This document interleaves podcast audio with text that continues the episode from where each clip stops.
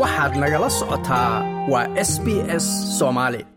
Madaxweynaha dowladda federaalk ee soomaaliya xasan sheekh maxamuud ayaa jeediyey khudbad ku aadan xaaladda guud ee dalka gaar ahaan howlgallada ka dhanka xarakada shabaab ee ka soconaya qaybo ka mida dalka ay wadaan ciidanka dowladda federaalk ee soomaaliya. Madaxweyne xasan sheekh ayaa hadaljeedintiisii diiradda ku saaray guulihii laga gaaray howlgalladii ugu dambeeyey ee ka dhacay dalka gaar ahaan la wareegitaankii deegaanka aadan yabaali ka tirsan gobolka shabeellaha dhexe. Ugu horrayntii waxa uu bogaadiyey ciidamada xoogga dalka iyo kuwa deegaanka ee dagaalka ka dhanka xarakada shabaab iminka kula jira waxaana uu sheegay in dowladdu ay garab taagan tahay ciidankaasi madaxweynaha. Waxauu hoosta ka xariiqay in xilligan ay xor tahay marka loo eego degmada aadan yabaal isagoona xaqiijiyey in ciidamadu ay si nabdoon kula wareegeen degmadaasi.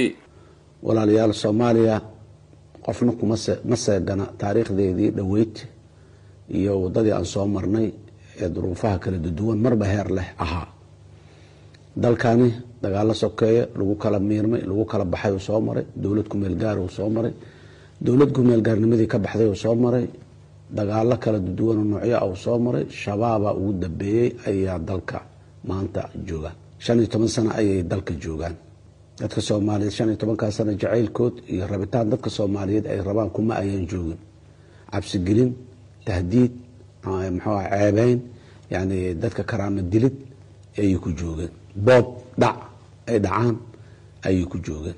Saaki ciidamada qalabka sida waxay joogaan magaalada aadan yabaal oo la og yahay taariikhdeeda iyo waxay ahayd iyo dadka soomaaliyeed inta loogu yeero meeshaas lagu duley jiray. Waa ka guureen waa ka huleeleen kuma ayan dagaalamin. Xataa ceelashii biyaha ku yiila ayay mambadii ka siibteen. Dadkiina inta afduubteen kaxeeyeen awoodiya ayagoo gaashaan ka dhiganaya dadka oo leh dadka hadduu idinku dhex jiro lidama weerari karo lidama duqay karo lidama waxayn karo ayagoo leh. Nimanku waa nimankaas. Awal waa ogeyn iyo sooman teedaan dhulkii aan ogeyn. Ceelasha waxay ku sameeyeen waa ogeyn. Baabuurta shacabka jidka marayso safarka aheed oo adeeganayso tuulooyinka magaalooyinka u adeeganayso raashinka siday raashinka sidiis u saaran inay gubeen waad ogeydeen. Maantana aadan yabaal ayay ka siibteen. Labadii ceelo ku tiilay bambooyinkii biyaha shacabkiina inta afduubeen ay ka haysteen. Usbuucyada soo socda ilaah idinkiis ayadana warar aada iyo aada u fiican ayaa dadka soomaaliyed idinka soo gaari doono. Labadaas dowlad goboleed labadan dowlad goboleedna waa gabagabo waxa ku haraahay waa wax yar. Galmudugna wax yaraa ka dhiman hirshabeellena tuulooyinha ka dhiman degmo hirshabeelle ka tirsan ee saakay ciidanka xooga dalka soo aanu gaarin ruunargoodha ka jirto. Ayadana waa saacado.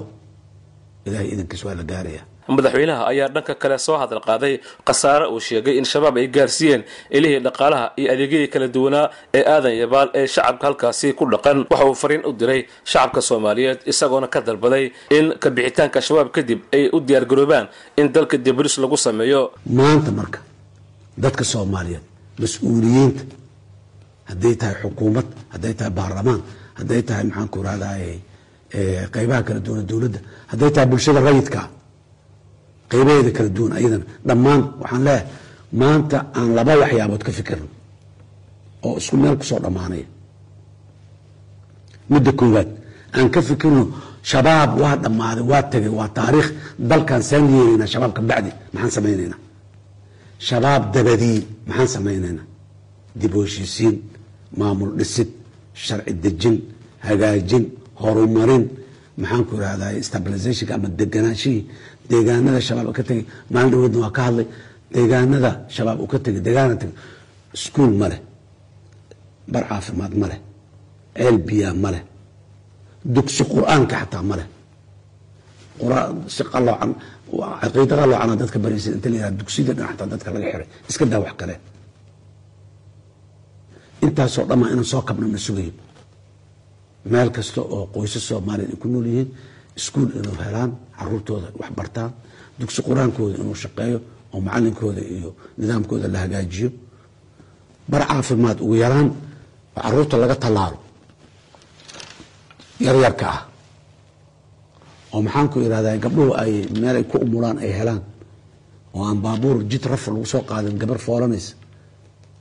Dowladda mas'uuliyadda saaran oo shabaab dabadeed inaan ka fikirna ay tahay taas waa dadka soomaaliyeed waxaan ka codsanayaa ha diyaar garoobaano sida shabaab ugu kacnay oon ugu diyaar garownay shabaab kadib sidaan u dhisa lahayn dalkan aan u diyaar garownay dhanka kale madaxweynaha soomaaliya xasan sheekh maxamuud ayaa waxa uu ka hadlay oo soo hadal qaaday arrinta diin cafinta soomaaliya isagoona xusay in soomaaliya lacag ilaya shan bilyan oo dollar lagu lahaa islamarkaana aanay weli arrintaasi dhammaanin.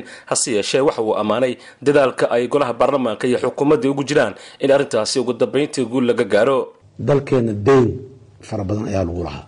Muddo toban sano aan aada ula soo tacaalaynay deynkaasi inaan gudno. Sidii aan kumeelgaarnimada uga baxnayba deynka sidii isaga nalooga cafin lahaa gudid maahan nalooga cafin lahaa ayaan ayaan geed dheer iyo geed gaaban u jaalnay teramkii hore aniga madaxweynaha ay ka soo bilaabo teramkii iga dambeeyo madaxweyne farmaajo jooga ku xiji.